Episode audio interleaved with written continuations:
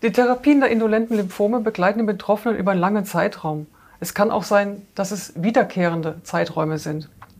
Wie diese Therapien wirken, aber auch die Nebenwirkungen, darüber sprechen wir heute mit Herrn Professor Olitzky vom Robert Bosch Krankenhaus in Stuttgart.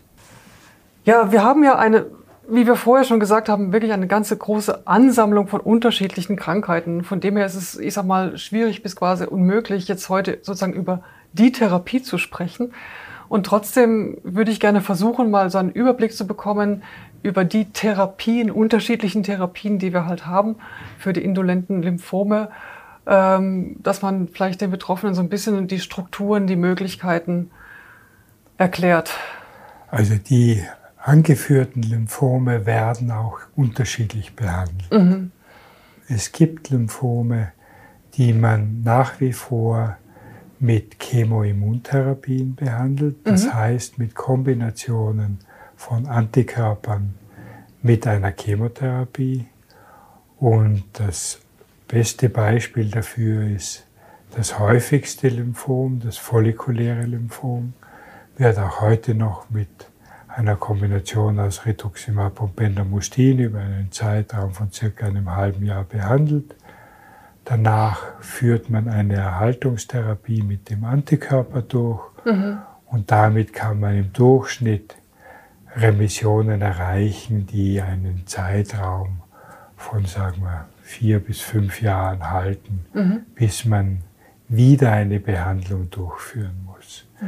Das heißt, hier haben Patienten therapiefreie Zeiten, die jahrelang andauern mhm. und damit eine sehr gute Lebensqualität auch zumindest auf die lange Sicht ermöglichen. Mhm. Daneben gibt es Lymphome wie die chronisch-lymphatische Leukämie, die man heute nicht mehr mit Chemotherapie behandelt, sondern hier sind die Kombination von zielgerichteten Therapien mit Antikörpern deutlich wirksamer mhm. Und daher werden diese durchgeführt. Hier sind die Behandlungsdauern länger, zum ja. Teil zumindest. Es werden hier auch jahrelange Therapiedauern durchgeführt. Die Rate der hochqualitätvollen Rückbildungen, das heißt der Rückbildungen, wo man wirklich nichts mehr findet, mhm. ist deutlich höher als mit der Chemotherapie. Mhm.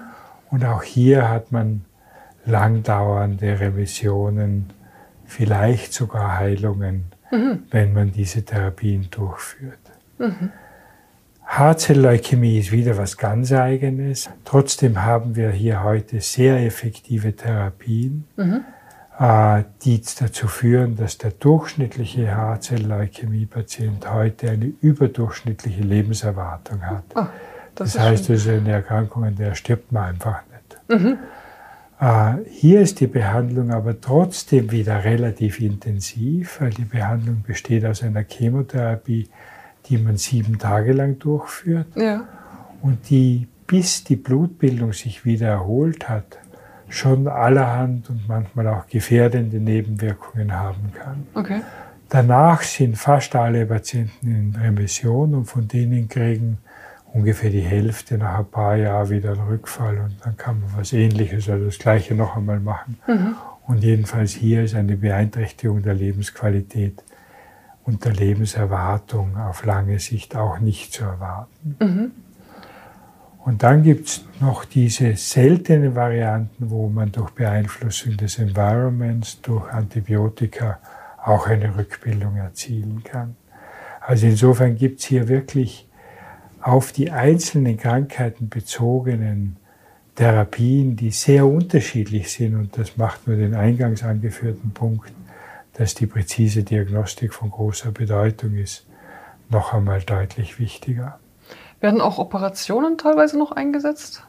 In ganz, ganz seltenen Fällen kann das einmal einen Sinn machen, aber mhm. ich habe es in den letzten fünf bis zehn Jahren nicht erlebt. Mhm. Ja. Und Bestrahlung? Auch nicht normalerweise. Okay. Wobei, ah. jetzt habe ich was Falsches gesagt. Die seltene Konstellation, wenn ein follikuläres Lymphom oder ein Marginalzonenlymphom und ganz selten auch die lymphozytischen Lymphome, die die CLL ja sind, mhm. wenn die auf eine Stelle beschränkt sind, dann kann man ungefähr zwei Drittel der Menschen durch Bestrahlung heilen. Mhm. Das sind wenige Patienten und da, die, da, spielt die Bestrahlung eine Rolle. Heute meistens auch in Kombination mit Antikörpern. Mhm. Aber das sind insgesamt vielleicht ein Prozent der Menschen, wo das eine große Rolle spielt. Okay, ach. Mhm. Jetzt hatten wir ja vorhin auch schon mal darüber gesprochen, dass ähm, oftmals ähm, die indolenten Lymphome kein kurativer Heilansatz äh, gemacht werden kann. Ähm, in der medizinischen Sprache werden ja sozusagen kurativ und palliativ immer so ein bisschen so gegenübergestellt, was ich glaube auch in diesem konkreten Beispiel hier wirklich sehr verwirrend ist. Viele Patienten assoziieren mit Palliativ ja sozusagen die letzte Sorte von Therapie, die man noch bekommt äh, vor dem Sterben, aber das ist ja wirklich überhaupt nicht das, was wir jetzt hier machen, sondern hier geht es eigentlich vielmehr um eine lang dauernde, ich sag mal fast wie eine Art chronische Therapie, die man äh, also die Begrifflichkeiten kurativ und palliativ sind im Kontext mit indolenten Lymphomen nicht sinnvoll. Mhm. Wenn man unter kurativ verstehen würde, dass man eine normale Lebenserwartung wiederherstellt, mhm. dann könnte man durchaus einen Teil dieser Therapien als kurativ bezeichnen. Mhm. Wenn man kurativ verstehen würde, dass man die Krankheit nie wieder sieht, mhm dann sind diese Therapien nicht kurativ. Aber wie gesagt, einen guten Teil der Patienten können wir so behandeln, dass die Lebenserwartung nicht eingeschränkt ist und dass daher die Erkrankung, das Leben nur durch die stattfindenden Therapien von Zeit zu Zeit äh, beeinträchtigt wird und nicht durch die Angst, verfrüht zu sterben. Mhm. Ich glaube, es gibt noch einen wichtigen Punkt, äh, der auch, glaube ich, für manche oder viele Patienten gar nicht so einfach ist. Man hat ein indolentes Lymphom und vielleicht ist gerade alles relativ gut stabil und auch keine Symptome und so weiter und so fort. Dann wird ja oftmals die sogenannte Watch and Wait Strategie verfolgt. Das heißt, man macht gar keine Therapie, sondern beobachtet die Situation und wartet ab und möchte eigentlich nur dann eine Therapie machen, wenn sich dann später mal etwas verändert hat. Viele Patienten finden das, glaube ich, emotional sehr belastend, weil sie einfach wissen, oh, ich habe jetzt eine bösartige Erkrankung und jetzt soll aber eigentlich gar nichts passieren. Es ist für Patienten belastend, weil sie ja durch Gesundheitserziehung darauf geprimed sind, bösartige Erkrankungen früh zu diagnostizieren ist gut, spät zu diagnostizieren ist gefährlich. Und daher empfinden sie die Wartezeit als Gefährdung. Mhm. Fakt ist bei dieser Art von Lymphomen, dass zum einen manchmal der Verlauf nicht so klar ist, mhm. dass eine Behandlung gerechtfertigt ist. Es gibt also Konstellationen bei zum Beispiel chronisch-lymphatischer Leukämie, wo das Risiko, jemals zu erkranken, nur bei 50 Prozent ist. Also die zweiten 50 Prozent würde man völlig umsonst behandeln, weil ah. sie nie eine, eine krankheitswürdige Manifestation bekommen. Also man kann es zwar diagnostizieren, aber es ist, die Leute werden nicht krank. Es wird, wird die Blutbildung in ihrer Lebenszeit nie schlechter und okay. es bleiben mhm. Symptome aus, sondern mhm. die, die bekommen halt Symptome fünf Jahre nachdem sie an was anderem gestorben sind. Also es würde schon mhm. unter Umständen irgendwann einmal mhm. zu Symptomen führen, mhm. aber halt nicht in der Lebenserwartung, die sie hier haben. Mhm. Das ist der eine Aspekt. Der zweite Aspekt, man hat vor vielen Jahren mit Chemotherapien allerdings getestet, ob Menschen davon profitieren, wenn man mhm. früher behandelt, bei manchen dieser Erkrankungen.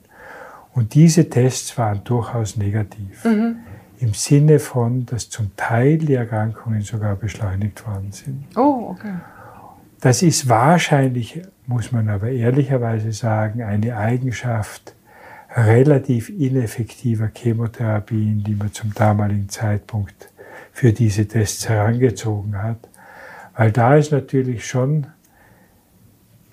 die karzinogene Wirkung von Chemotherapien auf relativ viel übrig bleibende Zellen, weil sie mhm. nicht sehr wirksam sind, könnten theoretisch auch was anstellen. Mhm. sodass im Moment schon Bestrebungen im Gange sind mit moderneren Therapien, die vor allen Dingen auch diese karzinogene Wirkung nicht haben, Ja. diese Frage noch einmal zu stellen. Und da kann es durchaus sein, dass unter Umständen irgendwann einmal das Ergebnis ist, lieber früher als später. Also zum Beispiel mit Antikörpern. Mit Antikörpern, mit zielgerichteten Therapien Mhm. und vor allen Dingen mit hochwirksamen Therapien. Also Mhm. wahrscheinlich sieht man erst einen Effekt auf die Lebenserwartung, wenn man wirklich nahezu 100 Prozent der vorhandenen Krankheit eliminieren kann. Mhm. Aber wie gesagt, diese Ergebnisse stehen noch aus, die Studien sind im Laufen Mhm. und ich würde erwarten, dass bei chemotherapiefreien Protokollen jedenfalls dieser Negativeffekt nicht zu erwarten Mhm. ist. Und dann würde ich schon auch erwarten, wenn es hochwirksame Therapie ist, dass man einen gewissen Nutzen sieht. Aber das ist noch zu früh. Das heißt aber, da laufen aktuell Studien, die genau das untersuchen. Würde es sich dementsprechend anbieten, als äh, Patient äh, eines indolenten Lymphoms an Studien teilzunehmen, dass man sich da aktiv darum bemüht? Es gibt für, für bestimmte Entitäten Studien, die Mhm. da laufen. Und da ist es für mich, es sind sinnvolle Fragestellungen. Mhm. Es gibt meines Erachtens natürlich die Hoffnung, so wie es wir bei anderen Erkrankungen auch gesehen haben, Mhm. dass in dem Moment, wo man auch relativ langsam sich verschlechternde Erkrankungen so gut behandeln kann, dass nur mehr eine von 10.000 oder eine von 100.000 Zellen übrig bleibt, dann beginnt man zu sehen, dass die Tendenz zur Entwicklung schlechterer Erkrankungen verzögert ist. Mhm. Die Studien laufen allerdings jetzt noch bei den Zwischenstudien, bei nicht behandlungsbedürftigen Varianten, Mhm. die aber Anzeichen haben, doch eher zu den schlechteren Typen zu gehören. Mhm. Einfach in der Hoffnung, dass man da schneller ein Ergebnis sieht, ob das Mhm. nützlich ist oder nicht. Ah ja, okay. Mhm. Dann ist natürlich noch ein weiteres wichtiges Thema Rezidive. Jetzt hatten wir ja gesagt, dass es quasi wie eine chronische Krankheit ist. Ist dann, ich sag mal, das Thema Rezidiv, ich sag mal, quasi normal bei den Indolenten? Oder? Wenn Sie lang genug warten, ja. Mhm. Das kann aber auch 15, 20 Jahre dauern. Mhm. Also es kann wirklich lang dauern. Mhm. Aber die Zeit bis zum Rezidiv ist ein starker Vorhersageparameter für Gefährlichkeit. Also wenn Sie bei follikulären Lymphomen ein Rezidiv innerhalb von zwei Jahren bekommen, weiß man, Ihre Lebenserwartung ist eingeschränkt. Okay. Mhm. Und das sind die Patienten, wo man dann schon versucht, energisch sie zurückzudrängen. Und das macht man zum Teil mit autologer Transplantation, wo man wirklich Mit einer ein kuratives? Ja, okay. Ja. Mhm. Ziel verfolgt. Neuerdings kommen zusätzlich die KT-Zellen zum Einsatz. Mhm. Aber hier ist schon klar, wenn man nicht mehr erreicht als beim ersten Mal, Mhm. dann ist die Lebenserwartung sehr stark eingeschränkt. Daher Mhm. würde man hier jedenfalls das Ziel verfolgen, eine wirksamere oder äh, eine intensivere Behandlung beim zweiten Mal zu machen, im Vergleich zu der beim ersten Mal. Ja, ich, zum Thema Stammzelltransplantation wollte ich gerne auch nochmal nachfragen. Ähm, also ich höre das manchmal von Patienten, die, ähm, denen das vorgeschlagen wurde, dass sie eine Stammzelltransplantation machen sollen und die äh, dann ein bisschen nervös sind äh, und sich fragen, ja gut, es ist ja wirklich eine sehr belastende Therapie auch und sich fragen, ob sie das jetzt machen sollen oder nicht. Und, äh, und umgekehrt denke ich, wenn ein Arzt einem Patienten das vorschlägt, dann ist ja wahrscheinlich da eine gewisse Risikoabwägung da auch dahinter, dass ähm, Also bei einem Patienten, den das gar nicht nervös machen würde, würde ich das Gefühl haben, er hat mich nicht verstanden. okay, Das ist, ja, das muss einen nervös machen und sich die Frage zu stellen, ob eine Belastung sich auszahlt oder nicht, Mhm.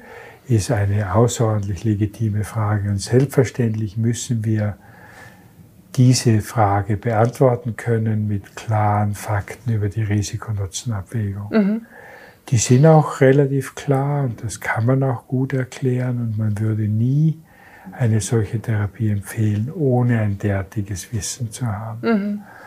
Man muss dazu allerdings sagen, aufgrund der Tatsache, dass viele dieser Lymphome sehr unterschiedliche Häufigkeiten haben und zum Teil sehr seltene Erkrankungen sind, ist die Qualität der Daten, die zugrunde liegen, immer ein bisschen unterschiedlich. Mhm. Aber man kann ohne weiteres einem Patienten erklären, was das Ziel ist, was man sich wünscht, wie häufig das Wunschziel erreicht ist, was das Risiko ist und wie die Bilanz insgesamt ausschaut.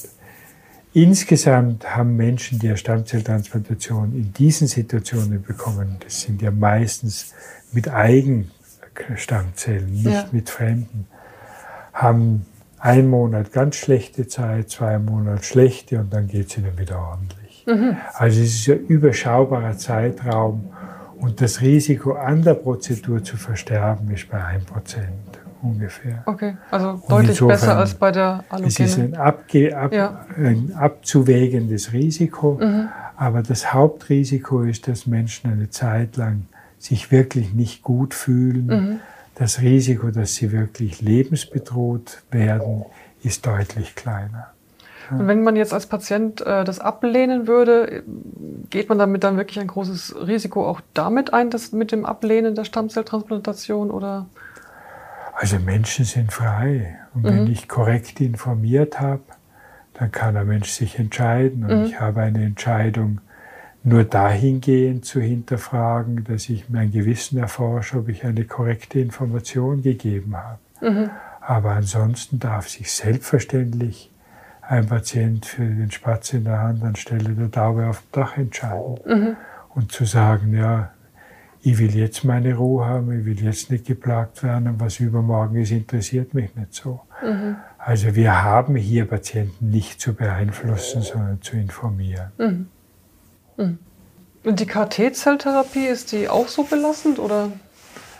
Die KT-Zelltherapie ist bisher ausschließlich beim follikulären Lymphom zugelassen, wenn man die Gruppe der indolenten Lymphome anschaut und ist hier in der dritten Linie zugelassen, also nicht in der zweiten Linie. Mhm.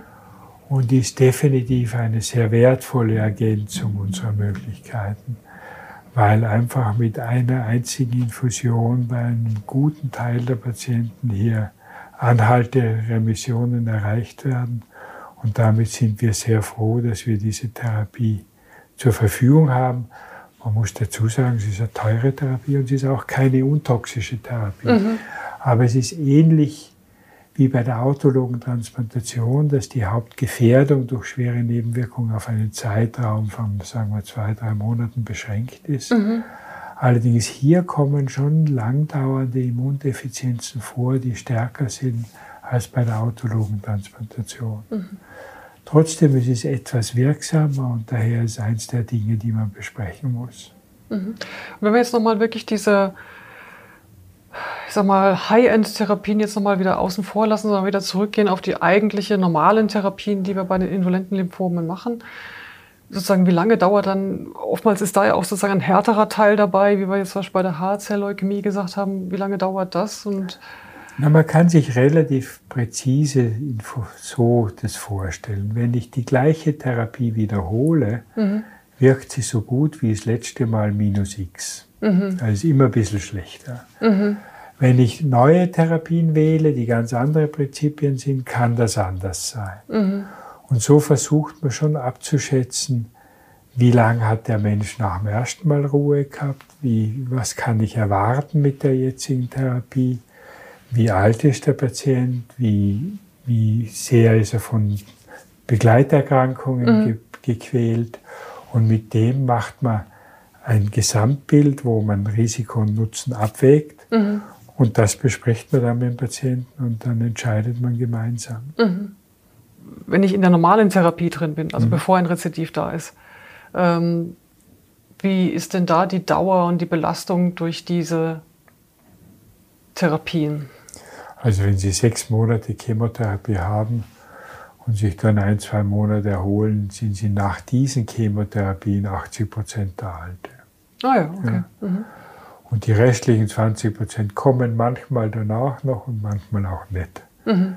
Aber das sind jetzt üblicherweise keine Therapien, die sehr nachhaltig Menschen daran hindern, ein normales Leben zu führen. Mhm. Ja, das ist auch schön zu hören. Und wo sollte man typischerweise hingehen, um sich für ein äh, indolentes Lymphom behandeln zu lassen? Ist das relativ egal oder ist es wichtig, da an größere Zentren zu gehen?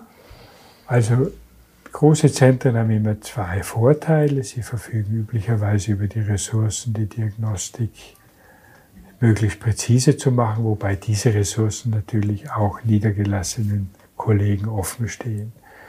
Die Behandlung selbst können in den meisten Fällen niedergelassene Kollegen sehr gut mhm. durchführen. Hämatologen sollten es auf jeden Fall sein. Also mhm. ich denke, dass es hier schon ein gutes flächendeckendes Netz an Spezialisten gibt, mhm. die ja übrigens auch alle immer zusammenarbeiten. Also wir sind ständig im Dialog mit niedergelassenen Kollegen, wenn Verläufe nicht so sind, wie sie erwartet werden können. Und daher ist meine Antwort, ein Hämatologe muss es sein. Mhm. Es sollte jetzt nicht der aller Eigenbrötlerreste der Hämatologen sein. Er sollte sich in einem Netzwerk befinden mit einem hämatologischen Zentrum. Mhm aber es muss die Behandlung nicht unbedingt am Zentrum selbst durchgeführt werden. Wunderbar. Herzlichen Dank, Professor Linsky, für diese Übersicht über die Therapien der indolenten Lymphome. Ach ja, bitte geben Sie uns Feedback zu dieser Episode unten in den Kommentaren. Wir möchten unsere Angebote immer besser machen. Wenn Sie also konkrete Fragen haben und Sie bestimmte Themen besonders interessieren, lassen Sie es uns unter dem Video oder per Mail wissen. Und übrigens, Abonnieren Sie unseren Kanal, dann verpassen Sie keine weitere Folge.